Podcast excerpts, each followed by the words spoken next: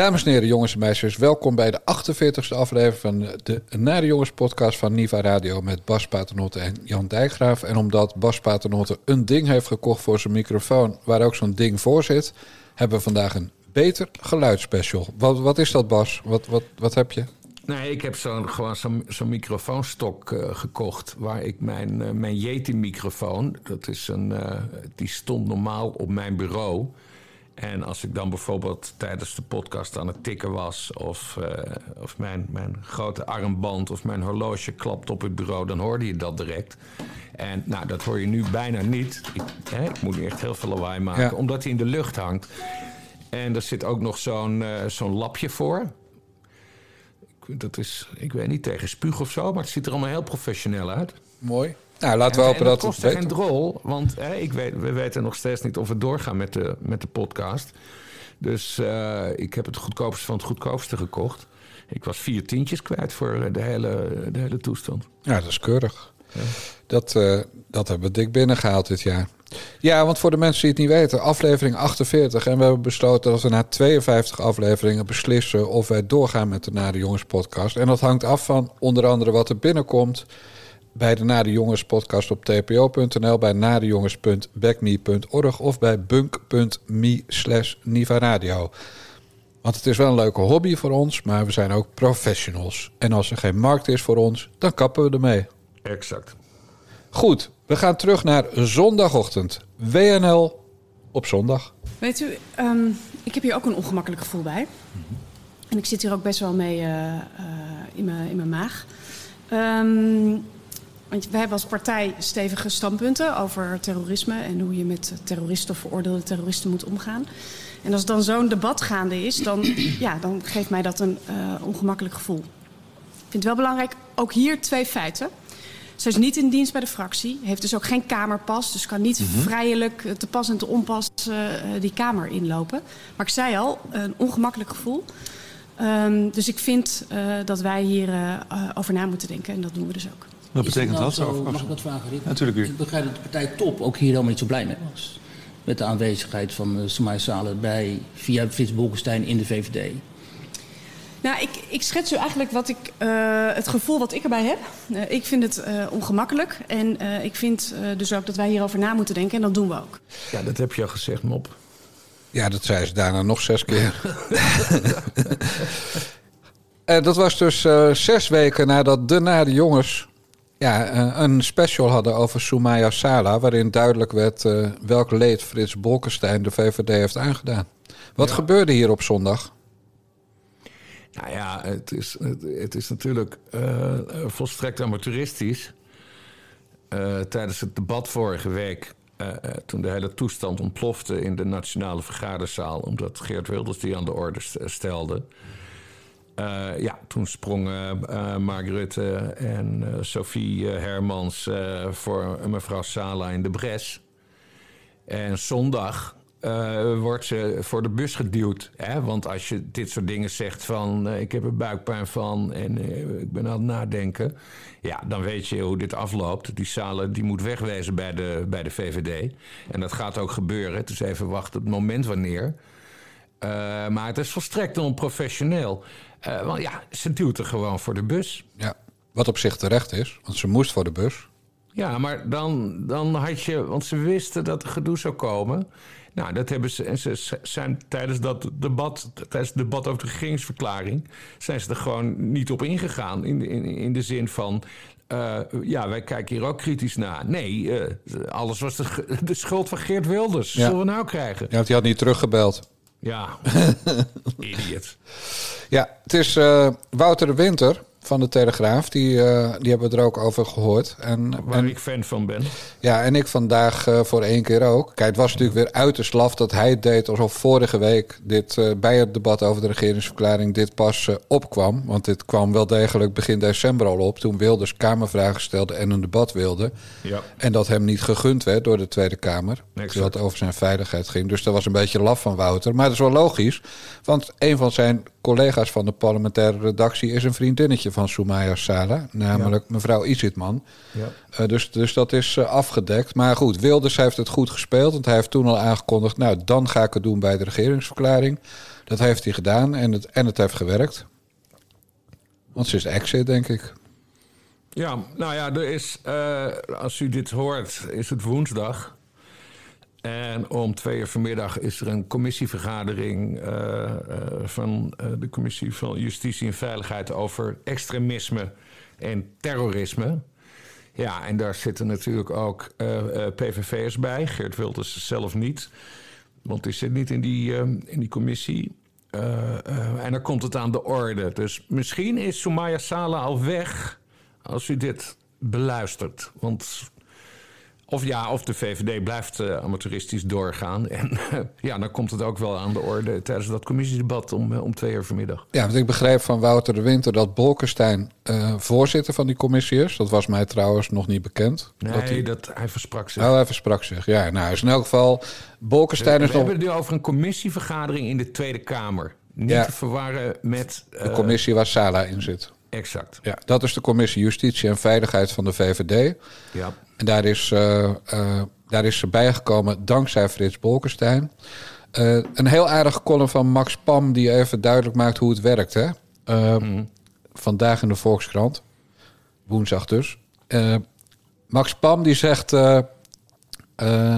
nou, die heeft eh, haar dus ook leren kennen. Want ze, zij ging eh, naar heel veel feestjes en boekpresentaties en debatten. En daar klampten ze allerlei mensen aan. En dat deed ze omdat Frits Bolkestein... Nou, dat was de eerste waarbij ze dat deed.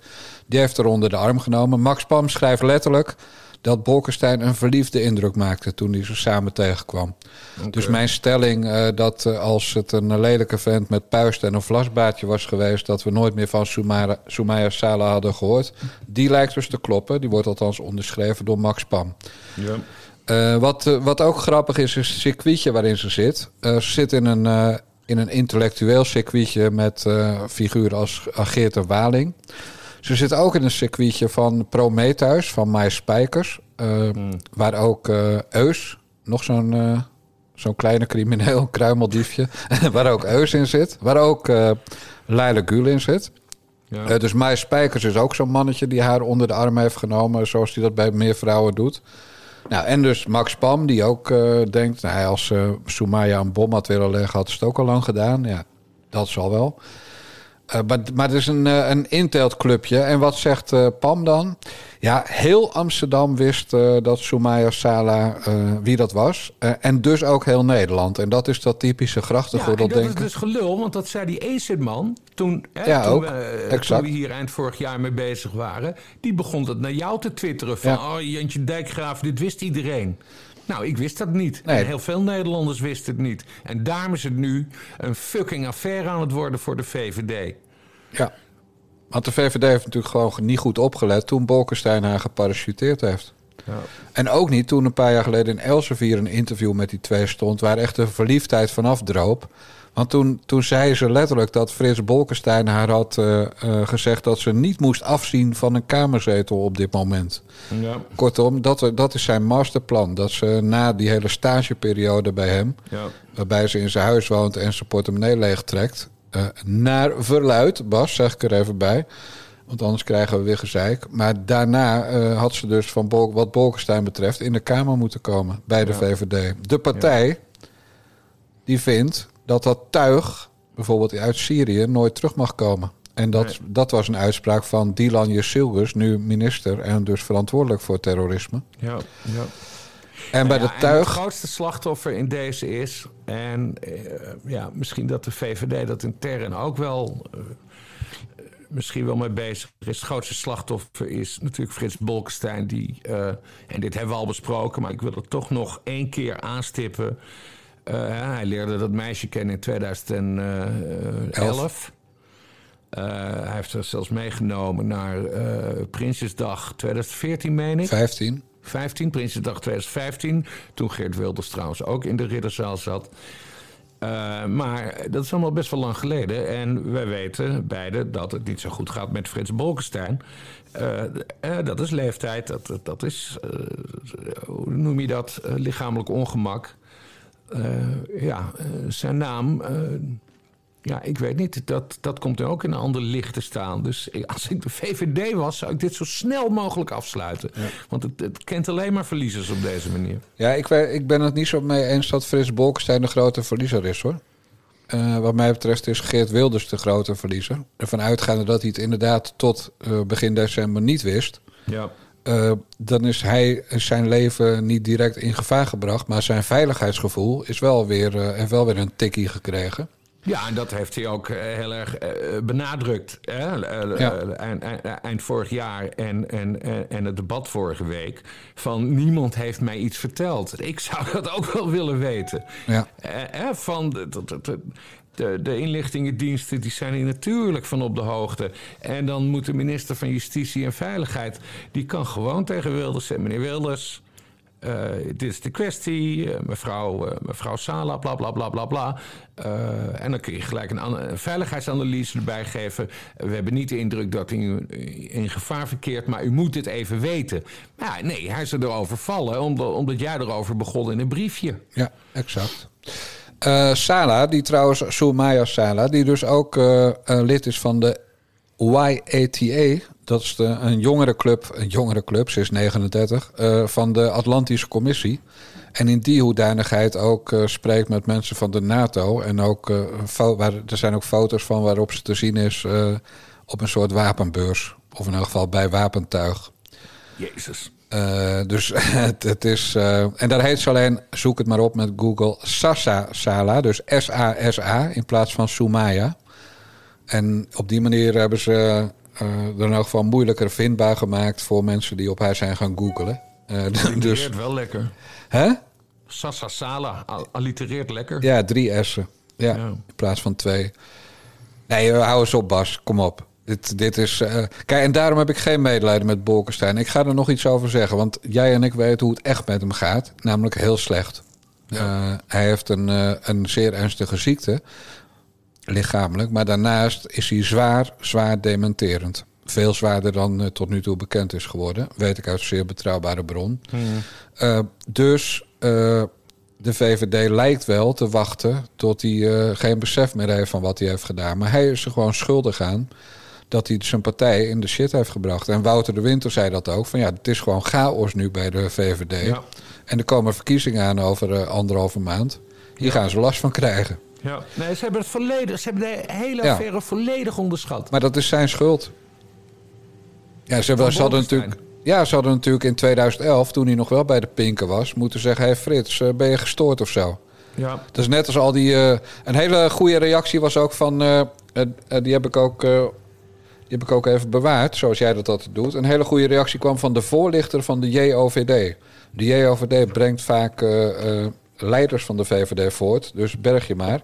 Maar die gast heet Pepijn Kruiswijk. Bedoel, dan weet je al dat het fout is, hè, als je als ouders hun kind Pepijn noemen. Maar Ja. goed, maakt niet uit. Die schreef Pepijn van vanochtend. Houwelingen is de grap, mensen. Hè? Nee, Pepijn van Houwelingen. Ja, dat nee, dat bedoelde ik helemaal niet. Ik bedoelde meer eh, dat gewoon een Lise-achtige naam is, een stomme naam. Maar goed, gaat het niet om. Pepijn Kruiswijk die schreef vanochtend op Twitter... Waarom hebben we een rehabilitatietraject... als mensen blijkbaar toch nooit meer de maatschappij in mogen? Dus, dit is echt... Hier gaat nou echt een vergelijking op. De pedofiel die je laat terugkomen nadat hij zijn straf heeft uitgezeten... en niet eens sorry heeft gezegd... die mag in de peuterspeelzaal eh, werken. Ja, iemand, iemand, iemand, iemand tweette mij een aardige grap vandaag. Eh, met ook zo'n vergelijking. Dit is dat je Volkert van de Graaf bewaker maakt op het eh, Mediapark. Ja, dit, ja, en dit is ook dat je Benno L., hè, die, eh, die zwemleraar, dat je die weer terugstuurt het zwembad in, maar dan alleen voor privéles. Dan kan die er makkelijker bij. Ja. Dat is ongeveer het niveau van de voor, voorlichter van de JOVD. Dat is de jongerenclub van de VVD. Dan verwacht je toch dat die wel een beetje de gave des onderscheids hebben.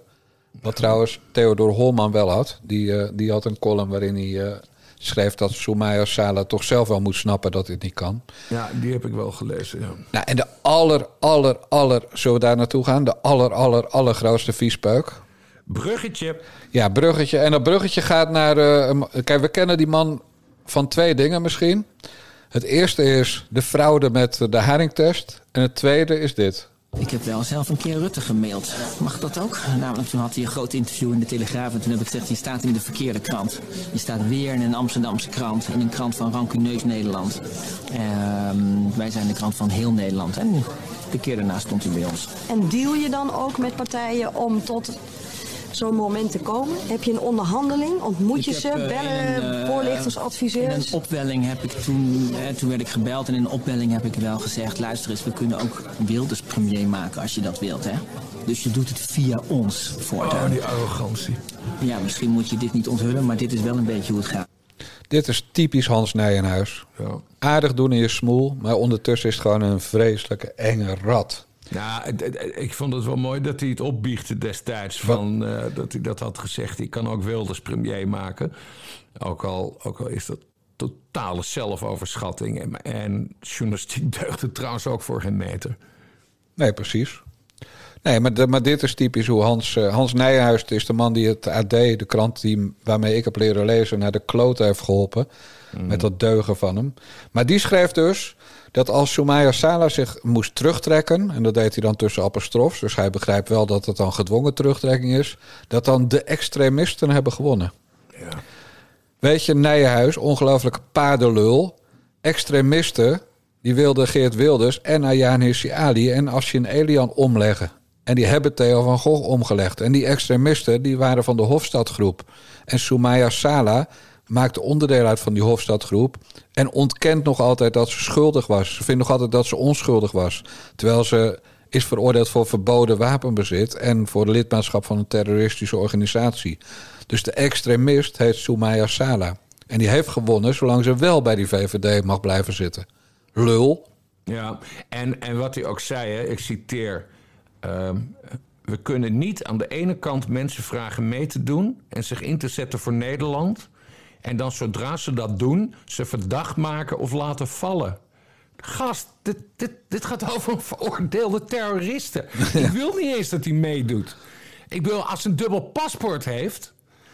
eh, dan moeten we haar, hadden we haar Nederlandse, eh, eh, haar Nederlandse versie moeten afpakken en terugsturen naar Marokko of zo. Of naar Guantanamo Bay. Wat, wat, wat, wat- hoe, hoe kunnen die mensen dit bedenken? Dit is toch te bizar? Ja, en de, terwijl er dit dus wel gebeurd is met de toenmalige man van Soumaya Sala. Want er was ook een Hofstadgroep terrorist. En die is inderdaad het land uitgezet. Ja, die Dus Noureddin F. Precies, het kan wel. Ja. Nee, maar Hans Nijhuis wil dat niet. En wat doet die smeerlap ook nog? Die heeft het over dat ze 15 jaar geleden de straf heeft uitgezeten. Dat klopt, maar is veroordeeld. En dat is niet waar. Ze is pas in 2014 definitief veroordeeld. Ja. En in 2016, in, pas bij de Hoge Raad, is dat vonnis bevestigd of bekrachtigd, hoe je dat ook noemt. Ja. Dus het is helemaal niet een, een jeugdzonde alleen. Ze is tot vijf jaar geleden blijven volhouden of blijven vechten tegen dat vonnis. Ja. Met steun van die achterlijke Bolkestein, die dit een gerechtelijke dwaling vindt. Ja. Dus een VVD'er die zegt, nou, de rechter is echt in de fout gegaan hoor, met het veroordelen van Soumaya. Ja, Dus- en, en, en nog even, hè, want dat, dat, daar wees mij iemand eh, op... eh, over eh, dat we mensen vragen mee te doen. Weet je, en nog die columniste Hanin, Hanina Ayarai, Ja. hoofddoekje... Oh ja, van het AD. Ja. columniste bij het AD... Ja. is door Hans Nijhuis eruit gegooid. Eh, ze was echt een hele middelmatige columniste. Nou, zeg maar gewoon beroerd. Slecht. Ja, heel beroerd. Maar ze heeft één keer een column geschreven die gewoon wel voldoet aan waar een eh, goede of leuke of interessante column aan moet voldoen. Hè? Een beetje polemiek, dat mensen erover gaan praten. En dat is haar befaamde column, eh, waarin ze schrijft. Eh, dat de, eh, de hartaanval van die, die, die, die- dat tragische verhaal van die, die, die jonge Ajax-speler eh, Abdel Hagnouri. Ja. Appie, zeggen, Nouri, zeggen, ja. zeggen, zeggen de fans.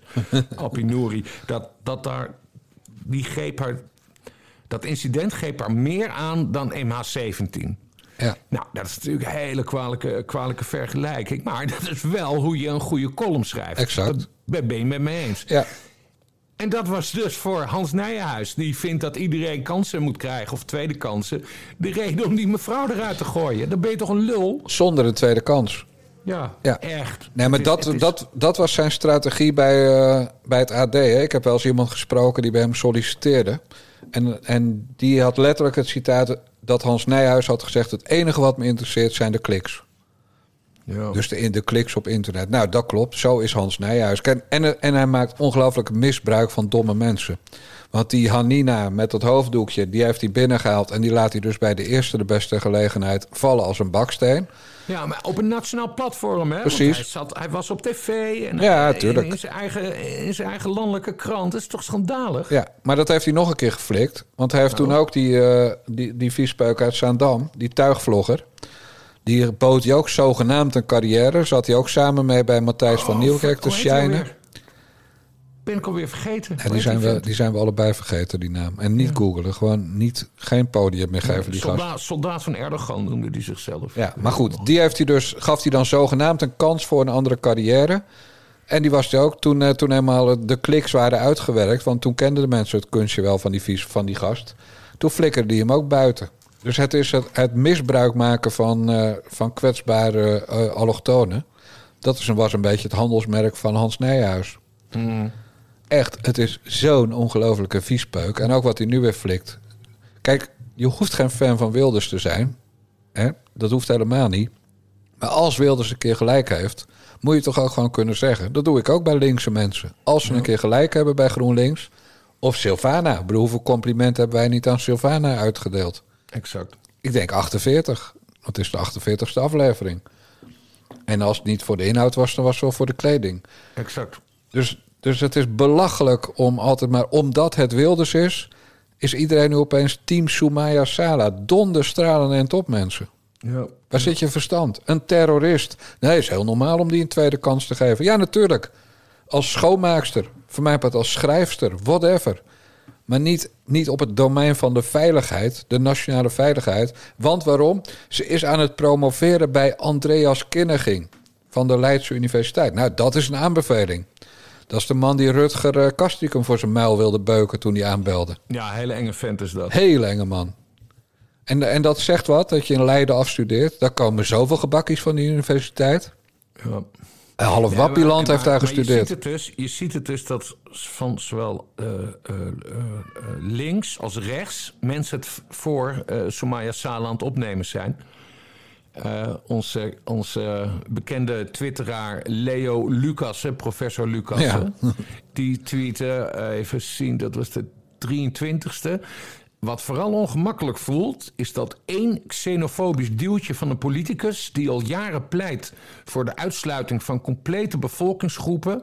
blijkbaar voldoende is om een partijgenoot te laten vallen. En dat zegt hij dan eh na aanleiding eh, van de uitspraken van eh, Sophie. Sophie Hermans bij, bij WNL. Nou ja, dat is typisch die Lucassen. En want Wilders heeft dat trouwens tijdens het debat ook gezegd. Eh, hij maakt zich gewoon zorgen over een veroordeelde terrorist van de Hofstadgroep. De club die hem als doelwit had. Eh, en, en dat hij mogelijk bij hem in de buurt kan, kan komen. Ja. En dat heeft helemaal geen fuck met xenofobie te maken. Dat heeft te maken met pure angst, omdat je, godverdomme, al twintig jaar in de beveiliging zit. Precies. Echt zoveel eikels. Ik, word er, ik, ik win me op, het is niet goed. Ja, en wat, nog, wat ook een, een echt heel sneu detail is... is natuurlijk de zoon van Afshin Elian. El, Elise. Of Ja, die nu eh, Kamerlid is. Eh, deze week noemen we hem Elise, want eh, mannen en vrouwen nemen de namen van elkaar over, las ik op LinkedIn. Alle mannen heten nu Peter, maar dat terzijde. Maar goed, die heeft dus in zijn pakket veiligheid. Dus die laat zich adviseren door de commissie Justitie en Veiligheid van de VVD. Ja. Dus die moet luisteren naar Sumaya Sala. Terwijl die jongen, zijn vader is gevlucht uit een kutland, Iran. En, en in Nederland vervolgens met die Hofstadgroep wordt geconfronteerd. Ja. De waanzin. En die, die wordt nergens geïnterviewd, hè? Terwijl die heeft, ge- die heeft toen één tweet gestuurd... dat die Jason Walters, waar we het verder niet over gaan hebben, Bas... maar dat die tenminste nog spijt had betuigd. En Soumaya Sala nooit. Jason Walters had ook naar Guantanamo Bay gemoeten. Ja, ja, ja, ik weet het. Ik ken jouw standpunt. Ja. Kijk, laten wij gewoon de nuances zoeken. Zowel van Soumaya Sala als van Jason Walters weten we niet of ze ooit nog een keer in de fout gaan. Maar ik weet wel dat Jason Walters het zelf niet uitsluit van zichzelf. Nou, dat vind ik veel zelfinzicht. Ja. En alle reden om ze heel ver te houden van Wilders. Maar ook van de troonrede. Want je, het was het inderdaad 2015. En in 2016 kon je lezen dat in 2015 rond de troonrede, dus rond Prinsjesdag, er vanwege dreiging van terroristische aard extra maatregelen waren genomen. En op dat moment zit Frits, zit Frits Bolkestein helemaal achter in de zaal met die mevrouw die nu geen hoofddoek of geen burka of niqab meer droeg, maar een, of andere eh, geile Prinsjesdaggoed. Ehm, heeft hij er binnen geluld bij, eh, ik geloof nog Gerry Verbeet toen. Man, man, man, man, man. Ongelooflijk. En als dit wordt uitgezonden op woensdag en ze zitten nog, nou, dan ver- verdient de VVD echt zo'n ongelooflijk pak rammel bij de komende gemeenteraadsverkiezingen. Sowieso. Maar dan extra hoor. Ja. Ik vind het misselijkmakend. Zullen we het over iets anders hebben? Ja, Hans Nijhuis zat trouwens onder de, op mijn eh, rood, Roadcaster Pro, heet het apparaat geloof ik, onder de bruine knop. En dat was geen toeval. Gaan we nu naar de groene knop. Den Berg die gaf aan dat zij ervan schrikt dat wij zouden oproepen tot ehm, het niet naleven van wettelijke voorschriften. Dat klopt. Ik roep op tot burgerlijke ongehoorzaamheid. Ja, dan ga ik u. We zien ook dat Ja. daar- Kijk, dan ga ik u echt onderbreken. Ehm, het oproepen tot wetteloosheid. En ik snap ook wel dat het in reactie is op een vraag van mevrouw Van den Berg. Dat is, nee, laat mij even afmaken. Dat is in strijd met ons reglement van orde. Dus ik wil dat hier echt niet horen. Ik accepteer dat gewoon niet. En ik wil ook vragen aan de collega's om niet die vraag te stellen. Het is in strijd met ons reglement van orde aanzetten tot het niet voldoen aan wetgeving. Dat is eh, artikel 8.16. Dus ik wil u nu vragen om nu te starten met uw bijdrage en rekening te houden met wat ik net gezegd heb. Nou, Nee, we gaan. Ik reageer even kort op uw woorden. Nee, ik wil, nee, dat wil ik niet. Er is geen discussie over mogelijk. Echt niet. Nou, ik wil, nee, nee. Onduidelijk wat burgerlijke ongehoorzaamheid is kennelijk. Nee, Wat ik wil, ik wil daar. is wat Nee, meneer, meneer Van mij, ik wil er helemaal geen discussie over. Het is gewoon in strijd met ons reglement van orde. Dat staat er gewoon in. Dus ik wil nu echt vragen, en ook de collega's, gaat u zitten? Ik wil de rust weer terug hebben in het debat. En ik wil gewoon dat u start met uw bijdrage. Binnen deze kaders die ik net heb aangegeven. Echt. Toch begin ik, voorzitter, met een uitleg over wat burgerlijke Nee, nee, nee, nee. Ik schors, de, ja, ik schors de vergadering voor een kort moment. Normale voorzitters gebruiken een hamer, maar Vera Bergkamp niet. Die zit maar met die handjes op dat bureau Ja, te ik tikken. jou even, ja, ik deed eh, even na. Het was een persiflage. Ja. Eh, maar we hoeven het niet meer over die hele kwestie te hebben, wat mij betreft. Van eh, eh, ja, het mond doodmaken van Kamerleden. Nou, eigenlijk wel. Wat vind je daarvan? Eh, nou ja, da- dat was het. eh, Dat was, er spreekt nu een kat hier op tafel. Het is echt. Jij mag niet in de studio, ga weg. Hoe heet hem? Eh, Salvatore Danger, taking care of business. Nee, het staat echt in zijn kattenpaspoort. Dat, ja. ja, nee, maar goed, volgens mij, we hebben het vorige keer volgens mij ook al over Vera Bergkamp gehad. Ja. Over de eerste dag Precies. waar het al niet goed ging. En dit is dan de tweede dag, dus dat is vorige week woensdag. Het debat van de regeringsverklaring. Ehm, het, het aardige is, en dat duurt veel te lang, dus dat laten we allemaal niet horen. eh, is dat Fleur Agema op een gegeven moment eh, ook naar voren komt en zegt: eh, Voorzitter, eh, ik ben totaal niet eens met wat, eh, eh, met wat eh, de complotmamot eh, hier zegt. Nou ja, ze zijn niet complotmamot, dat zeg ik. Hè, maar hij heeft ook zo'n raar stemmetje. Eh, eh, maar ja, u bent hem nu gewoon aan het beknotten in wat hij wil zeggen. En vandaag is hij het en morgen ben ik het. En daarna kreeg ze notabene een soort van steun van Adje Kuiken van de PvdA. eh waar ook de microfoon werd uitgedraaid. Ja, dat is natuurlijk absurd. Dat zowel de PVV als de PvdA boos op je zijn. Ja, maar dat is natuurlijk wel wat, wat er nu aan de hand is. Hè? Want Wilders moest, eh, nou bijvoorbeeld uh, Fadi Segers, die zit ook gewoon bij talkshows te vertellen dat, eh, dat, dat Kamerleden de mond moet worden gesnoerd. Zo, eh, CDA wil een onderzoek naar de relatie tussen wat Forum allemaal roept en in de Tweede Kamer en het aantal en de beveiliging bij huizen van politici. Dus het, het is gewoon met z'n allen vol op uh, het mond doodmaken van partijen op dit moment. Nou ja, maar het, het, is dus vooral dus ook het mond doodmaken van... Uh, of, of, boos worden op Fleur Agema en Adje Kuiken. Ja. Het is, alles komt terug bij de voorzitter die het zo uit de hand laat, uh, laat lopen.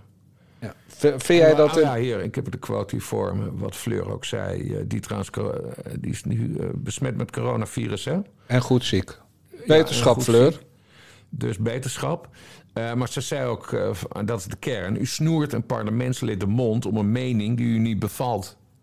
En dat is precies wat er gebeurde. Want Ja. die, die, die gozer met zijn gekke heliumstemmetje... die moet ook gewoon kunnen zeggen wat hij wil. Want je mag namelijk in de Tweede Kamer mag je alles zeggen. Ja, behalve dat het reglement van orde dingen beperkt.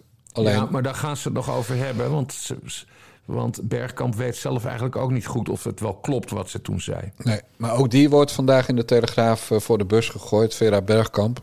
Eh, door even subtiel te beschrijven hoe ook alweer Anoushka van Miltenburg destijds gekild werd door het CDA en later andere partijen.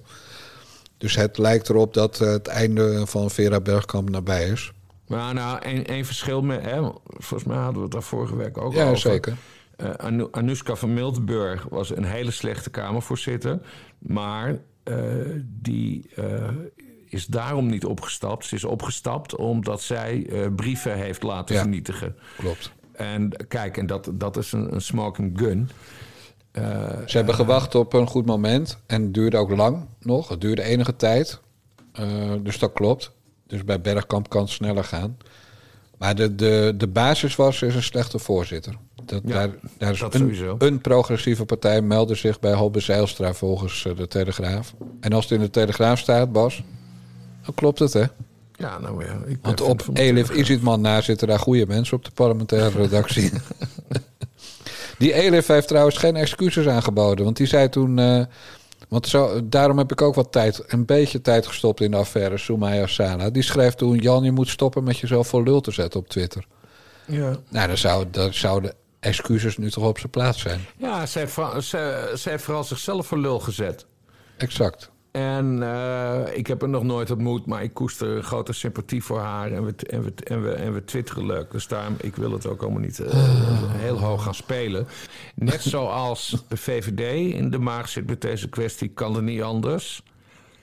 Dat de Telegraaf ook in de maag zit met deze kwestie. Omdat in ieder geval twee columnisten eh, van de krant eh, deze, deze mevrouw Sala goed kennen. En in een of ander leesclubje zit en dergelijke. Ja. Dat vond ik trouwens wel weer aardig aan het eerste fragment wat we hoorden van Sophie Hermans. Dat onze wederzijdse vriend, Weer Duk, ook van de Telegraaf, er ook gewoon hard in ging. En, en zo hoort het. Ja. Ja, want Wiert kent haar ook. Dat stond ook nog in de column van Max Pam. Hmm. Dat Wiert ook op plekken komt waar Soumaya Sala komt. Van die Ja, maar dat is typisch Weer. Weer komt overal. Ja, precies. hij is een goede journalist. uiteindelijk deugt Wiert. Maar dat geldt. Kijk, jij noemt ze nu columnisten. Maar Elif Isitman is parlementair verslaggever. En die Ja. andere vriendin van Soumaya Sala, Kitty Herwijer, die is columnist. Maar die is ook mediaredacteur van de Telegraaf geworden. Ja. Waarmee nog gefeliciteerd, Kitty. Geweldig. Zoals Nee, Bert Brussen zou zeggen. er Melden! de Telegraaf wel over gesproken wordt. Denk je? Ja, tuurlijk. Ja, ik heb geen idee. Die, al die gasten die luisterden naar een jongenspodcast. Dat wel. Ja, dat wel. Daar heb jij een goed punt. Nou, oké. Hey, eh, eh, over straffen gesproken. Want Kitty, eh, Kitty en Elif die verdienen billenkoek. Mag dat nog naar The Voice? Over de grens, Dijkgraaf, over de grens. Ja, oh, daar wil ik nog even één ding over zeggen. Eerst over dat seksisme en alles. Ik ga echt helemaal niks minder doen dan ik al deed hoor, op dat gebied. Hmm. Een lekker wijf is een lekker wijf. En, een- en een eh vieze hakbal is een vieze hakbal. Ja. Flikker op, man. Gaan we echt. Kijk, ik heb schone handen wat dat betreft. Ik realiseerde me trouwens, Bas. Ik weet niet of je dat wil weten hoor. Maar dat ik zelf slachtoffer ben geweest. Ooit. Van zoiets. God, door wie ben je aangerand? Nou, ik was. eh, wil je het echt weten of niet? Ja, eh, heel Nederland wil het weten. Ik was een sportfreelancer bij de Schoonhovense krant. En dat werd ik op mijn zeventiende. En dat was een kopblad van de Goudse krant. En dat was weer een kopblad van de Haagse krant. Kortom, we hebben het over de tijd dat elke stad nog een eigen krant had. Ja. En je had daar een, ook een algemene redactie. Dus niet over sport ging, maar over de rest. En het was in Schoonhoven. En toen werd ik op een eh, zaterdagmiddag uitgenodigd, werd ik uitgenodigd om op een zaterdagmiddag naar die redactie te komen. Na de voetbalwedstrijd die ik voor de sportredactie bezocht, door de chef van de algemene redactie. En ik, had me, ik was echt zo blauw als. eh, als- ik, kom, ik woon in Bergambacht. Hè. Ik bedoel, ik had helemaal niks meegemaakt in mijn leven. Maar die gast, die kerel, die legt dus op een gegeven moment zijn hand op mijn knie. En ik, Het was niet eens een vrouw, het was een man. ja, nee, anders was het een leuk verhaal. Maar, maar, ik, Ja. eh, maar die legt zijn hand op mijn knie. Eh, En ik trek, ik schrik daarvan, dus ik trek mijn knie terug. Want ja, weet je, dat kwam helemaal niet voor, jongen, in mijn jeugd. Hè. We hebben het nu over de jaren, eind jaren zeventig. Geen idee eh, wat er aan de hand was. En eh, ik zou dus voor die algemene redactie gaan werken. En na dat incidentje kreeg ik geen klussen. Ja, Jezus. dat was hem. Ik weet niet of die man nog leeft. Ik heb hem maar niet eh, kunnen googlen na het jaar 2000. Ik heb, gaan geen naam noemen. Nee, lijkt me niet. Want als hij niet meer leeft, hè, Ja, dat is waar. dan- waarom zou ik dat doen? En, en hij, je hebt gewoon een MeToo... eh, eigenlijk wel, ja. Maar goed, ik trok dus mijn been terug. En het gesprek duurde daarna nog heel kort over wat ik allemaal voor die eh, algemene redactie ging doen. En dat werd dus niks. En dat was helemaal prima. Maar kijk, ik ben niet super arrogant. Maar ik weet wel dat het, dat het niet doorgaan van klussen... dat dat niet lag aan mijn eventuele gebrek aan talent. Nee. Eh, dus ja, met de kennis van nu. En kijk, later heb ik natuurlijk wel gehoord dat die man die keurig getrouwd was, van twee walletjes had, zoals we dat toen noemden. Ik weet niet hoe dat tegenwoordig heet. Nou, je, hebt- tegenwoordig ben je een B hè, in, het, eh, in het alfabet, de B van B. Eh, maar toen noemden ze dat van twee walletjes eten. Dus dat werd later wel bekend. En als je het wist, dan zag je het ook wel aan hem een beetje. Hij was extreem goed verzorgd. Eh, maar ja, dat heb ik dus... eh, eigenlijk heb ik een omgekeerde ja, een MeToo meegemaakt. Nou ja, en dat is het enge aan die, aan die, aan die dingen. Want precies wat je zegt. eh, jij, bent, jij bent er niet het enige slachtoffer. Want het zijn dan dus roofdieren. Hè? Als je een 17-jarige Jan Dijkgraaf. Nou, toen, toen was je nog niet eens anderhalve meter, denk ik. Nee, maar eh, dat je dan een hand op het been. Dat, dat deed hij dus ook bij andere Exact. mannelijke verslaggevers. En misschien ook wel vrouwelijke verslaggevers. Nee, Kan niet anders. Dat klopt. Nou, er werkt eigenlijk alleen maar mannen, maar ik snap ook nu waarom. Nee, maar dat is waar. En dat is, eh, dat is een heel kwalijke zaak. Ja, dus mensen die nu eh, willen gaan researchen op wie het is, dat is helemaal niet zo ingewikkeld. Want we hebben het over eind jaren 70 en we hebben het over de chef van de Schoonhovense Courant. Krant heet het nog, met een K-R-A-N-T. Eh, dus het is gewoon te googelen voor mensen die echt geïnteresseerd zijn. En eh, verder niet belangrijk. Ik heb er niks aan overgehouden, geen trauma.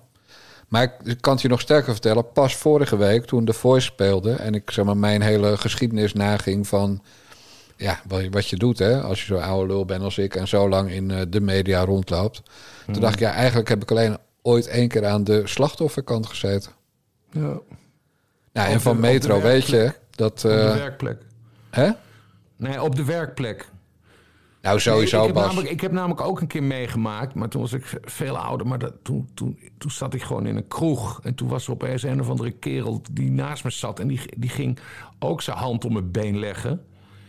Nou ja, die heb ik toen eh, heel, heel kort en helder duidelijk gemaakt dat ik daar niet van gediend ben.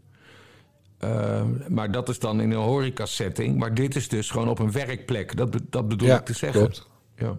Heb jij dat wel eens op een werkplek meegemaakt? Nee, nog nooit. Gezien? Nee, ook niet. Nee, je was natuurlijk altijd thuis aan het werk. Nee, maar goed. die eh, studio. ik heb ook nog wel op, op, op redacties gewerkt. bij Novum en bij Novum Nieuws. In Den Haag. En, eh, en, en, en bij, eh, eh, bij Metro natuurlijk op de redactie. En, verder ja, in, in, in Den Haag. Maar nee, ik heb, nee, ik, ik heb dat, nee, ik heb het nooit gezien. Ik heb het nooit gehoord. We gaan even verder hierop. Want ik teken als hoofdredacteur van Metro altijd jouw bonnen van Nieuwsport. Mhm. Heb jij in Nieuwsport dit soort dingen gezien? Ja, maar dat is de nieuwsportcode. hè? Nee, dat geldt niet voor Bas. Nee, nee, nee, nee. Nee, maar kijk, eh, eh, qua seksuele uitspat- uitspattingen eh, in Den Haag, dan gaat het, zoals dat heet, vaker om consent. Dus beide, beide partijen, dan wel journalist, dan wel voorlichter, dan wel minister, dan wel Kamerlid, dan wel lid van de Raad van State. Dan, nee, dat is, dat is heel erg vaak consent. Daar denkt, Ook, eh, ja, ja, we hebben Daar denkt de stagiaire van GroenLinks anders over. was, hè? Dat werd Ja. eh, hand en broeken. Hand. Die moest weg. Oh, ik verstond hand in broeken. Nee, leuk, leuk, leuk, leuk, leuk. Sorry. Maar die moest weg Nee, maar vanwege? de- ik, ik weet, kijk, Den Haag, dat is, ik weet niet of het nu nog steeds zo is, maar Nee, maar nu komt, het, nu komt het dichtbij. Want jij zegt hand en broeken. Die Ja. moest weg vanwege iets seksueels? Ja, Weet ik niet meer. Jawel, die verslaggever toch? Waarom is... die- Hand en Broek is uit de kamer gegaan, dat weet je toch? Ja, maar om die reden. Ja, ja godverdomme. Ik, ik, ik, ben toch niet gek aan het worden? dat is niet Elodie Verwij, toch? Ja, Elodie Oh, wel. Verwij, ja. Ja? Nou, dan komt het nu wel heel dichtbij. Want Han ten Broek is op dit moment voorzitter van de BOVAG. Mhm. En je weet wie bij de BOVAG eindredacteur van het blaadje is geweest. Nou, Ik. In Van de jaar van 90 tot 92. Het is een ja, tijd weet je geleden. wie ook voor de BOVAG, BOVAG heeft Jij? geschreven? Pas Pater Ja, dat heb je wel eens verteld, Die ja. eens rijbewijs heeft. Ja, BOVAG heeft ook een fietsafdeling, hè? Rijwielers. ja. Rijwielen. Nee, maar ik schreef echt over auto's en zo. Ja. Dat was echt heel grappig. Maar Han ten Broeke, oké. dan heb je natuurlijk de stagiaire van GroenLinks, hè? Waar o- Corine Ellemeter grote bek over eh, The Voice of Holland... terwijl onder haar ogen de stagiaire van GroenLinks werd aangerand... ja, en, ja, eh, ja, en op straat werd achtergelaten voor oud vuil. En die eh, gast drie kansen kreeg, die voorlichter die dat deed. Ja. Dus dat was ook een... 60 hebben we. Ja, die, die, Sidney Smeets ook nog hebben aangenomen. Niet zo Oh, lang geleden als Kamerlid. ook nog de groomer. Ja, en waar, waar, je een, waar alle stagiaires lekkere ijsjes kregen van Kees Verhoeven. Ja. Alleen de vrouwelijke stagiaires, zo is Kees wel. Hè? Maar goed, ik, ik blijf erbij. Den Haag pool des verderfs. Maar 90% van alle gevallen was dus met consent. Dus Ja. met we- hè, wederzijds... eh, hoe noem je dat? Wederzijdse instemming. Ja, wederzijdse instemming. Waarbij dat best kan, omdat de een een baantje wilde van de ander. Of dacht te krijgen van de, van de ander. Ja. hey, ik heb eh, vanochtend in mijn briefje... want dit wordt woensdag uitgezonden, zeg jij het altijd... maar het briefje van, eh, van woensdag eh, de 26e... ze- ja, 26e... Ja. staat een eh, scoopje in over Ali B. Oh? En omdat we dit dan? woensdag pas uitzenden... kan ik ook wel vertellen welk scoopje. Ja, benieuwd. Ik heb dus dat boek van hem net op tijd gekocht. De methode Ali B. Extreem leeg, licht boekje qua inhoud. Maar er staat dus tot vier keer in dat Ali B verslaafd was vroeger aan gokken eh, en aan blowen. Maar het staat ook één keer in, en dat is wel relevant voor de hele Voice of Holland affaire. Nou, eerst nog wat anders. Er staat in dat als je in de shit zit, in, eh, de, er is iets aan de hand, dat je nooit moet weglopen. Dat, dat staat er. Nou, hij zit nu in, dus eh, dat ging dan over een brand in de buurt, waarvan hij dan misschien beschuldigd zou worden. Dus demonstratief bleef hij in de buurt om aan te tonen: ik ben niet bang, ik ben niet weggerend, ik heb hier niks mee te maken. Prima. Slim als je onschuldig bent. Exact. Nou, nu is hij dus in Dubai. En daar zat hij al toen de Voice eh, hell eh, losbarstte. Maar hij is ook niet teruggekomen om te vertellen... jongens, ik ben onschuldig. Hij laat het werk over aan zijn advocaat. Dus dat is... maar goed, dat terzijde.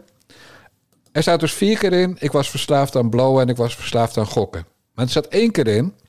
en het lijkt wel alsof het bij de redactieslag op het eind... eh, per ongeluk niet geschrapt is. Er staat één keer in dat hij seksverslaafd is geweest, laat ik het eh, voorzichtig zeggen. Dat hij op een zeker moment in zijn leven seksverslaafd was. Nou, en, en dat eh, past helemaal bij de dingen waarvan hij wordt beschuldigd in de boos aflevering van Tim Hofman. Want een seksverslaafde is natuurlijk veel minder geremd dan iemand die, eh, eh, ja, die af en toe buiten de deur dingen doet. Een seksverslaafde pakt gewoon, ja, zoals Jan Roos dat altijd noemt, alles wat 37 graden of een beetje kouder is. Ja, En waar een gat in zit, zegt Jan er meestal nog achteraan. ja. Eh, dus Ali B was seksverslaafd. Heb ik, en ik ben gaan googlen toen ik dat gelezen had. Dat staat dus helemaal nergens. Dat is nooit in een interview ter sprake gekomen. Dus die gast is gewoon guilty as hell. Ja, nou, wacht nou eens even. Nu, eh, verdorie, nu moet ik het gewoon voor die... gaan die manier opnemen. Kijk, seksverslaving is een verslaving. En, en verslavingen, daar kunnen mensen heel, heel vaak niks aan doen. Hè? Dat is een... Dat, dat, dat, dat, is, dat, dat zit dan in je hoofd. Net zoals een drugsverslaving of een alcoholverslaving. Daar heb je, daar heb je hulp bij nodig. Ik weet niet of, je, of een seksverslaafde per definitie vrouwen gaat verkrachten. Nee, want die, kijk, dan moet je de, de, de verhalen zoals Tim ze naar boven heeft gehaald ook... eh, eh, daar zat maar één verkrachting bij. Eh, en dat meisje twijfelde nog of de ver- verkrachting was. Eh, het gaat misbruik maken van je macht om seks te krijgen. Dat is natuurlijk Ja. wat hij gedaan heeft. En mensen in, door ze op te halen en in zijn eigen studio eh, te ontvangen... brengt hij ze ook in een positie dat ze minder makkelijk wegrennen. Zeg maar hun Mm. knie terugtrekken en nooit meer schrijven voor de Schoonhovense krant. Eh, dus de- het, ik zeg niet dat hij, omdat hij seksverslaafd is, verkra- verkrachtingsverslaafd was. Ja. Maar wel dat hij, dat hij pakte wat hij pakken kon. Ja. Nou, en dat waren natuurlijk ook kandidaten van The Voice. Ja. Of oud-kandidaten, ging het ook om. Die gingen, ze waren geen kandidaat meer, dan ging je nog naar hun huis. Eh, ben, ik ben in de buurt, zal ik langskomen. Of Ja. hij liet ze bij hem thuiskomen. Maar goed, je kan natuurlijk zeggen... ja, maar seksverslaving zegt helemaal niks over wat er nu over hem eh, eh, gezegd wordt. Nou ja, ik denk dat Jeroen Rietberg ook seksverslaafd is. Maar anders zit hij ook nu niet in een kliniek in Amerika... om aan zichzelf te werken. En was hij niet eerder in therapie gegaan. Eh, maar Arie B. eh, die doet niks aan die seksverslaving. Nee. Dus in mijn ogen is er wel een linkje te leggen met de Voice-affaire. Ja, ja. Kijk, en zoals dat jij het nu zegt-. En ik, ik, ben- ik, ik, ik eh, stel je voor dat ik... Ik probeer me nu voor te stellen dat ik seksverslaafd zou zijn. En meisjes Eh, bieden, zich, eh, meisjes Nee, bieden weinig weerstand. Dat je continu behoefte hebt aan seks. Want Ja. dat is een seksverslaving. Net zoals koken, alcohol, bla bla Ja. bla bla bla. Ja, maar dan ga ik toch geen vrouwen aanranden. Dan, dan, dan, dan, dan ga ik gewoon eh, dan, ga ik naar de hoeren. En, dan geef ik die mevrouw netjes wat geld. Hè. Het is gewoon net de transactie. En dan, eh, dan eh, doe ik mijn ding. Of doen we samen ons ding. Hè, want zo moet je dat... Dat is het net om te zeggen. Nou, dan ga je weer naar huis. Je hoeft toch niet iemand aan te randen omdat je seksverslaafd bent? Nee, dat hoeft zeker niet. Maar, als je niet seksverslaafd bent, dan denk je misschien iets beter na voor je vrouwen aanrandt. Of verkracht. ja, of je bent gewoon een gestoorde psychopaat. Wat ook heel goed kan, hè, in het geval Ja. van deze meneer. Maar ik hoor eigenlijk dat wij nu heel erg fout bezig zijn, en met name ik. Want eigenlijk zitten wij hier te vertellen dat hij een beetje ontoerekeningsvatbaar was. Ik zeg Oh. seksverslaafd, jij zegt gestoorde gek. Ja, daar kan hij zo mooi achter verschuilen als er ooit een rechtszaak komt. Ja, nou ja, dit zijn, dit zijn, dit zijn aannames. Eh, eh, laten we gewoon rustig... het Ja, seksverslaafd is een bekentenis. ja, ja. Ja, weet je, dan, dan, het is nu dinsdag, dan doe ik toch een ander briefje, man. Krijgt de tyfus ook. Ja. Hey, en, dat, en je hebt het boek gelezen, hè? Boekje. Boekje. Het is 160 eh, pagina's met heel veel plaatjes. Ja. Ja, het is een heel slecht boek. Het gaat, gaat om. eh, waar het eigenlijk op neerkomt, is dat hij vijf boeken van management gurus en eh, gurus heeft ge- gekocht in een winkel in Almere. En daar heeft hij twintig jaar over gedaan. En hij past dan steeds één les van een guru, bijvoorbeeld Stephen Covey of die, die IJsman, Wim Hof. Daar past hij één les van toe. Nou, en dat is de ADB-methode. De werkelijkheid is dat, je, dat hij je probeert in een soort online programma te krijgen. Waarin je zogenaamd eh, je persoonlijk gaat begeleiden. En dat, dat zijn van die, eh, ja, van, die, van die programma's die beginnen met dat ze je binnentrekken gratis. Je krijgt gratis dit. En dan gaan ze een klein bedrag aan je vragen. En uiteindelijk krijg je dan echt persoonlijke coaching. En dan betaal je helemaal blauw. Zeg maar, dat kost dan een, een auto. Althans, de, de, de kosten van een auto. En dan, eh, ja, dan gaat hij dus drie keer in een jaar gaat hij even eh, drie dingen tegen je zeggen. Die hij tegen 86 anderen ook zegt. Ja. Zakelijk gezien een heel eh, lucratief traject. Maar over Ja. het geld van ADB hoeven we ons geen zorgen te maken, Bas. Ja, maar er stond ook nog iets anders in dat boek, hè? Dat hij het niet helemaal zelf heeft geschreven. Nee, hij heeft gewoon een. ja, ik heb ook contact gehad met de ghostwriter. Want zo ben ik, hè? Je, je Thomas mij. Hogeling, de flexibele opiniemaker van de Volkskrant. Aardige jongen. Ik ken hem uit, eh, uit de tijd dat hij nog bij eh, TPO zat. Hè. Hij was, Ook al eh, TPO. Hij zat bij de TPO Academy. dus, dus ja, we hebben hem groot gemaakt. Echt, wat BKB is voor, voor, voor politieke types, is, was TPO, is TPO voor journalistieke types. Linda Duits. Ja, exact. Nou goed, los van dat. Maar eh Geen Stijl had daar een lollig stukje over geschreven. Ja. Van, hé, hey, wat opmerkelijk dat de flexibele opiniemaker... eh, geen opinie schrijft eh, Over. Voice. eh, toch wel eh, de- het grootste eh, schandaal van de, de afgelopen twee weken. En dat komt omdat het boek is geschreven door Thomas Hogeling.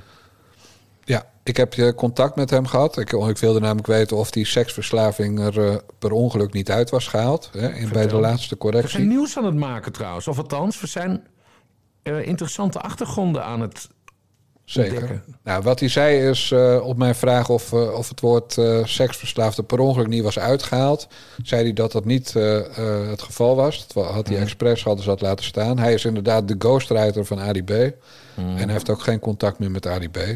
Oké. Maar ADB heeft dus inderdaad niet, eh, ook nog niet zelf geschreven. En wat heel irritant is aan dat boek, is dat hij eh, bijna op, in elk hoofdstuk wel een keer eh, je weet toch zegt. Dus dan de- om dat, dat mokro zinnetje, je weet, je weet toch. Ja.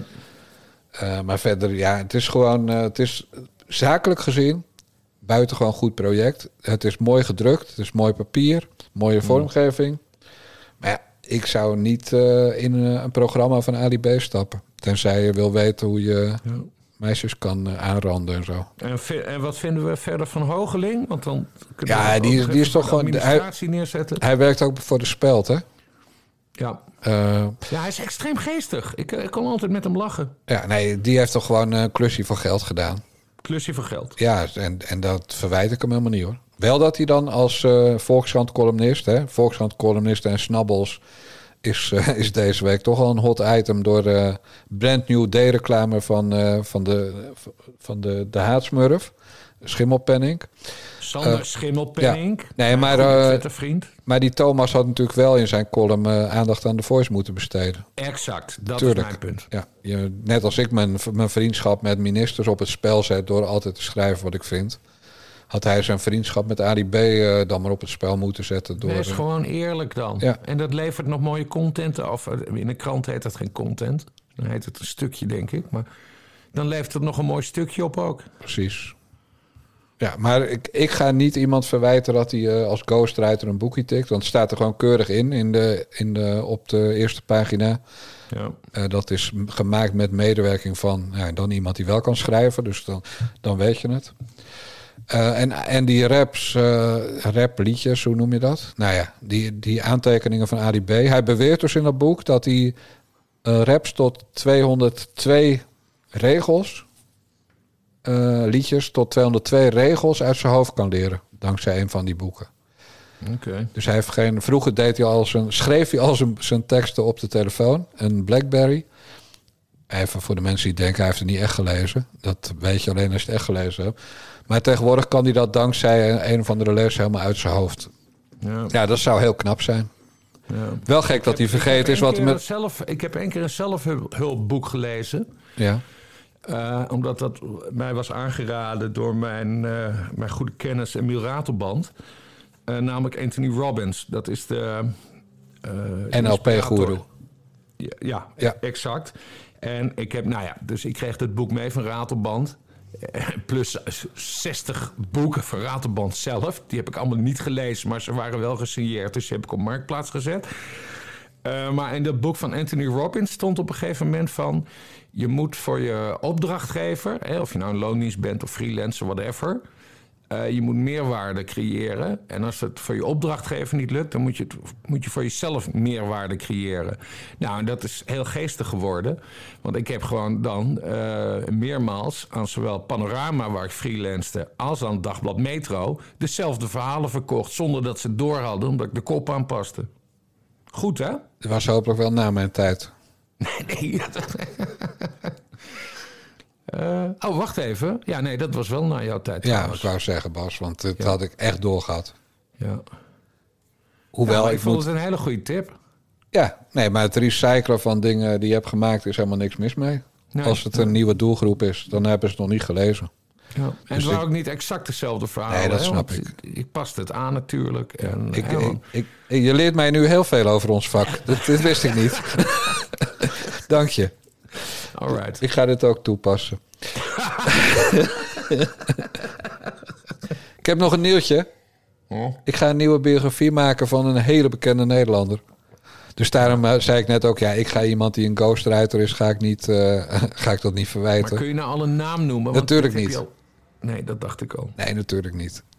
Maar ik kan je wel zeggen dat ik binnenkort eh, een, een elfdaags tripje naar een ver land ga maken. Mijn favoriete verre land zelfs. Je gaat de biografie van Erik de Vlieger schrijven, gok ik. zo. Nee, de man die is al lang geschreven. Dat, Oh. was, dat was trouwens een heel leuk boek. nee, de vlieger is wel met een nieuw boek bezig. Eh, maar dat schrijft hij zelf, dus ik weet niet of dat ooit uitkomt. Ik zag vandaag een tweet van hem voorbij komen dat hij 360 badkamers had gekocht. Ja. ja, hij heeft me wel eens uitgelegd hoe dat werkt. Maar eh, die betaalt minder voor een badkamer dan wij. Maar het waren keukens, dacht ik. Of niet? Waren het badkamers? badkamers. 384. Ja. Ja. Nee, eh, een heel bekende Nederlander. En dat is Erik Amanitjo. Een wereldwijd bekende Nederlander. Maar verder zeg ik er niks over. Eh, en misschien komt mijn naam wel niet eens op dat boek. Want ik ben eh, ghostwriter in dit geval. Ja. Maar eh, lekker elf dagen op reis in coronatijd. Ik heb er zin in. Bos? En het is niet naar Dubai. Nee, gewoon naar Amerika. Naar Amerika. Ja. Ik ga je buiten, buiten onze opname ga ik je wel vertellen hoe het zit. Oké. Maar dit, nee, dit- dit wil ik eh, stilhouden. Maar ik moet morgen de tickets boeken, dus het gaat wel door. Alright. Zin in. Over zin in gesproken. Een lekker wijf. Een heel lekker wijf. Nou, ik ben Oh nee, rechter dankbaar. Opnieuw. Over zin in gesproken. Ik heb echt helemaal geen zin om een dingetje in te starten van Sigrid Kaag. Maar ja, we hebben het nou helemaal in het draaiboek staan, dus kom ze. Nou, ik ben de rechter dankbaar, het Openbaar Ministerie, maar ik ben ook opgelucht.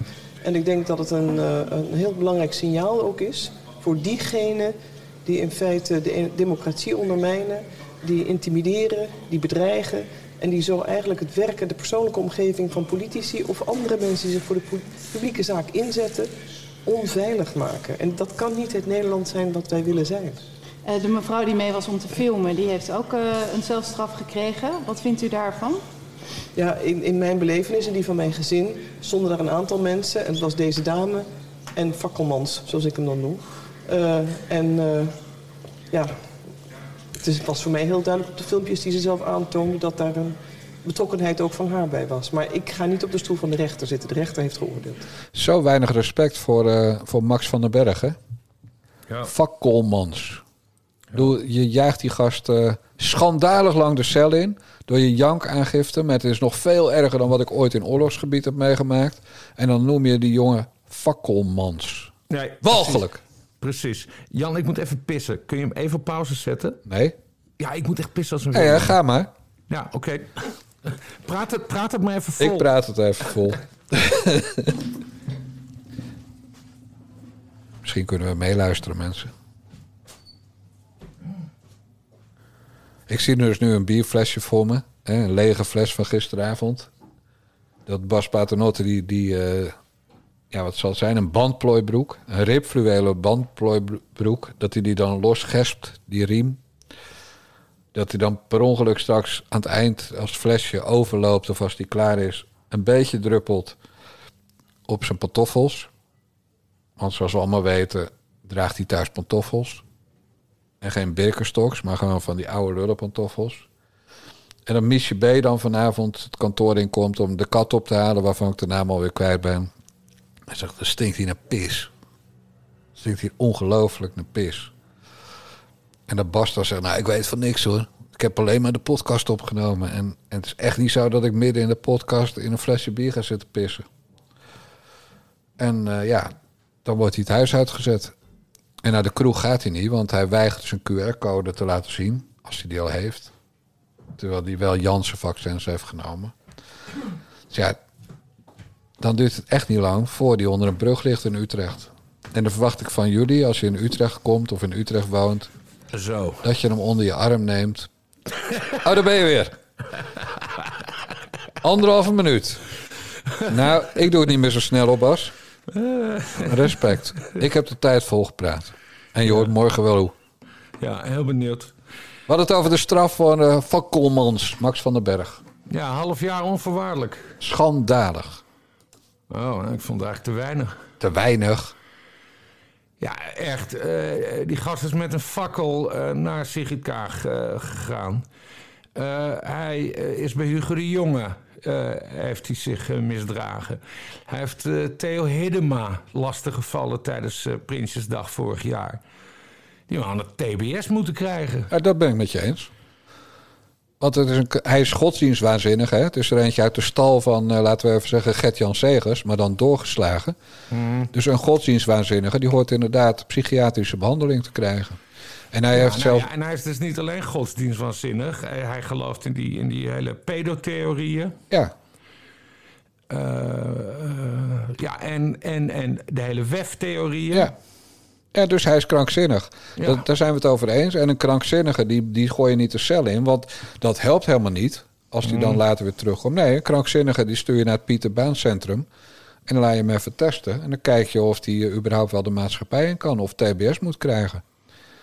Maar toch niet een half jaar omdat je bij iemand... Ik bedoel, ik vind het een vreselijke teringleier hoor, met zijn fakkel. En het is ook Mm. schandalig dat, dat hij die kinderen en die man van eh, Kaag eh, lastig valt. Mm. Dus da- daar ben ik het helemaal mee eens. Maar het is een TBS-gevalletje.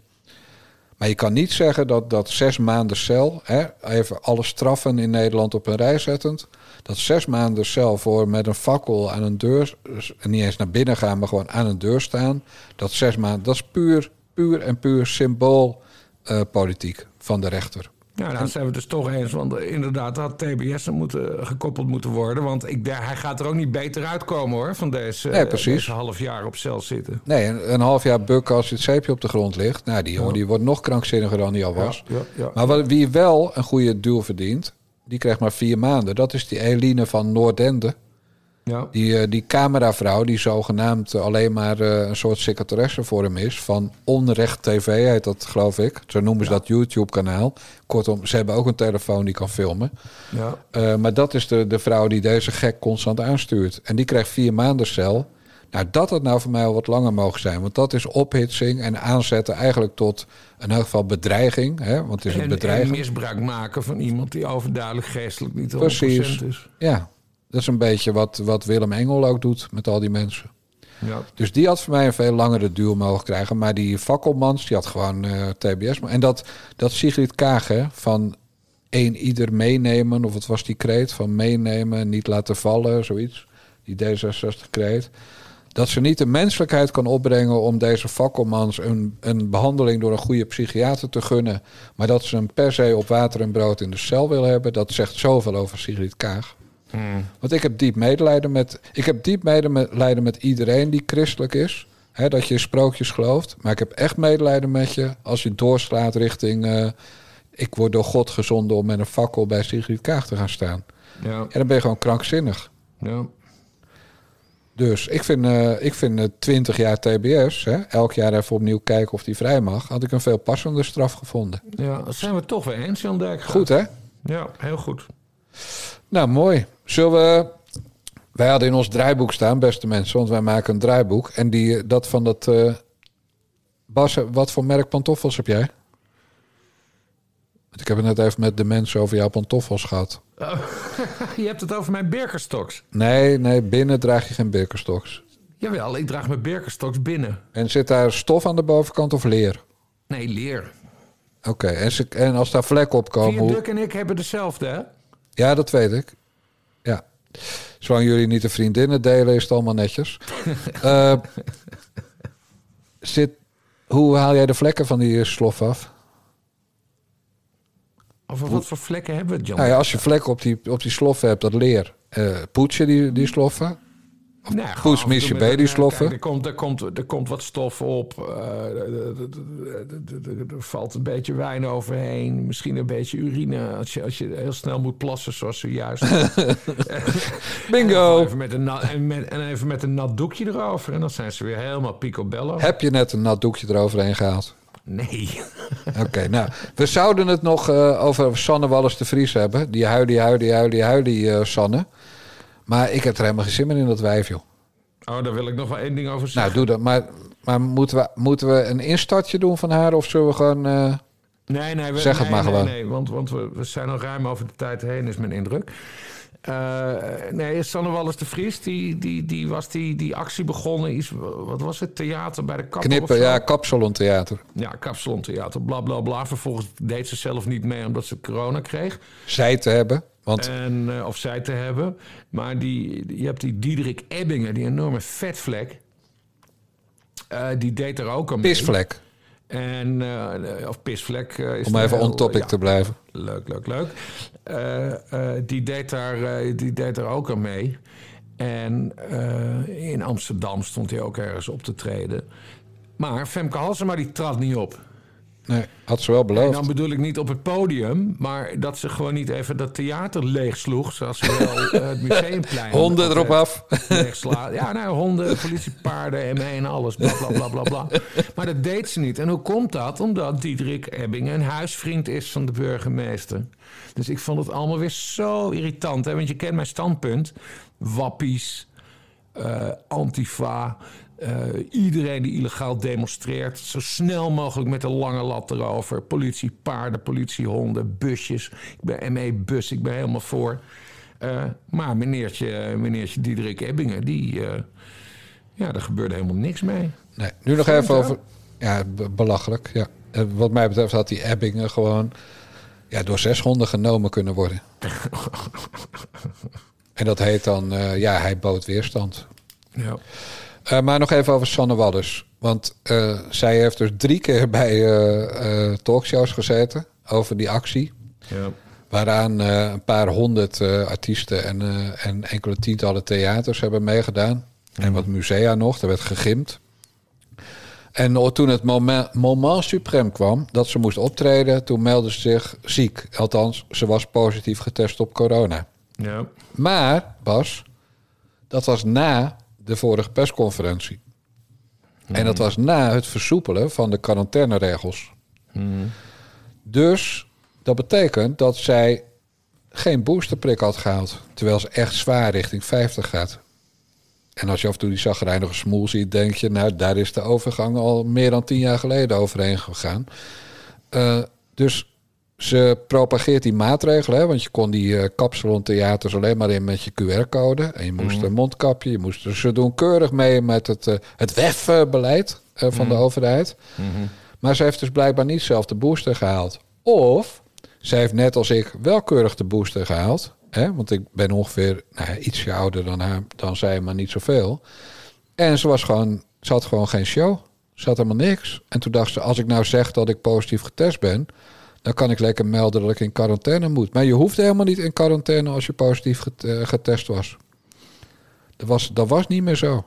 Of er was iemand in haar familie positief getest. Moet ik goed zeggen. Oh, en dan hoeft hij helemaal niet meer in quarantaine. Dat is weer, nou, maar dat is weer typisch Dijkgraaf. Even in de research. Precies. En ik heb dat natuurlijk ook gevraagd aan haar op Twitter. Maar ja, ik sta onge- ongetwijfeld op mute bij die muts. Ja. Eh, die ik overigens best wel grappig vind af en toe hoor. Daar ben ik ook eerlijk in. Ja, ik ben helemaal eh, dol op mensen bij wie als je het hoofd 180 graden draait, je opeens een lach ziet. nee, dat is waar. Dat, dat is echt zo. Moet je maar eh, een foto van hem pakken en even eh, roteren op je computer. Ja, ik zie het nu al. Ik zie het Dan al. zie je gewoon een stralende glimlach bij Sanne Wallis. Maar ja, dan staan de ogen weer raar en de, en de haren is het aan de onderkant. Ja. Maar dat terzijde. Haar aan de onderkant. maar ze had dus, ze had dus niks, ze had geen show. En ze heeft al die andere artiesten, die helden, die heeft ze voor de ellende laten opdraaien. Ja. Want zij dacht natuurlijk, Femke Halsema komt met een lange lat en de ME en die honden en die pepperspray en al die andere shit. En ik wil, ik wil dat niet. Ik ben bang. Ik blijf lekker thuis. Ik zeg wel dat er iemand in de familie corona heeft en dat ik dan niet mag, want ik moet in quarantaine. Ja.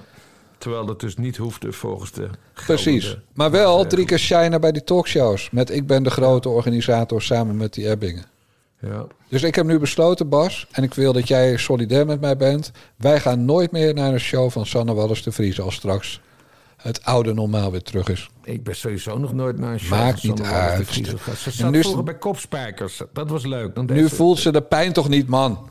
Nee, maar dat deed ze koningin Beatrix na. Dat vond ik wel grappig. Maar ik zou nooit naar zo'n show gaan. Want het is, ja, het is een beetje middle of the road cabaret is dat. Bas, dit, nou gaat Sanne, de Sanne Wallis de Vries gaat dit terugluisteren.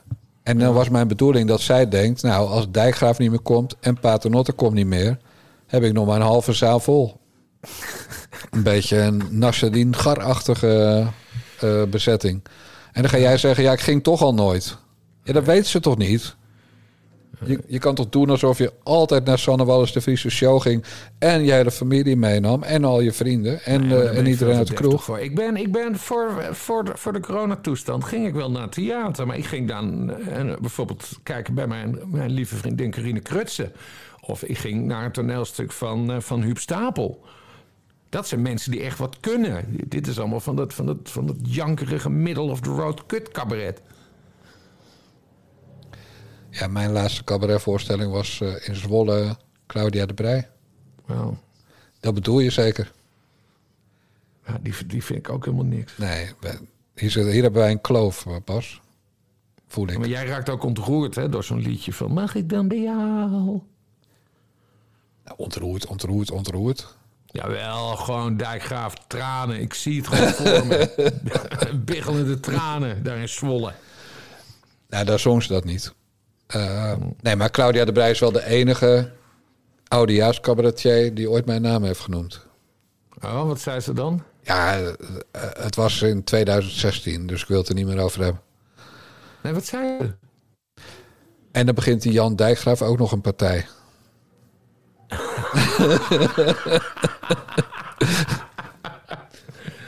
Oh, dat, nou, dat vind ik wel een mollig, eh, lollig grapje.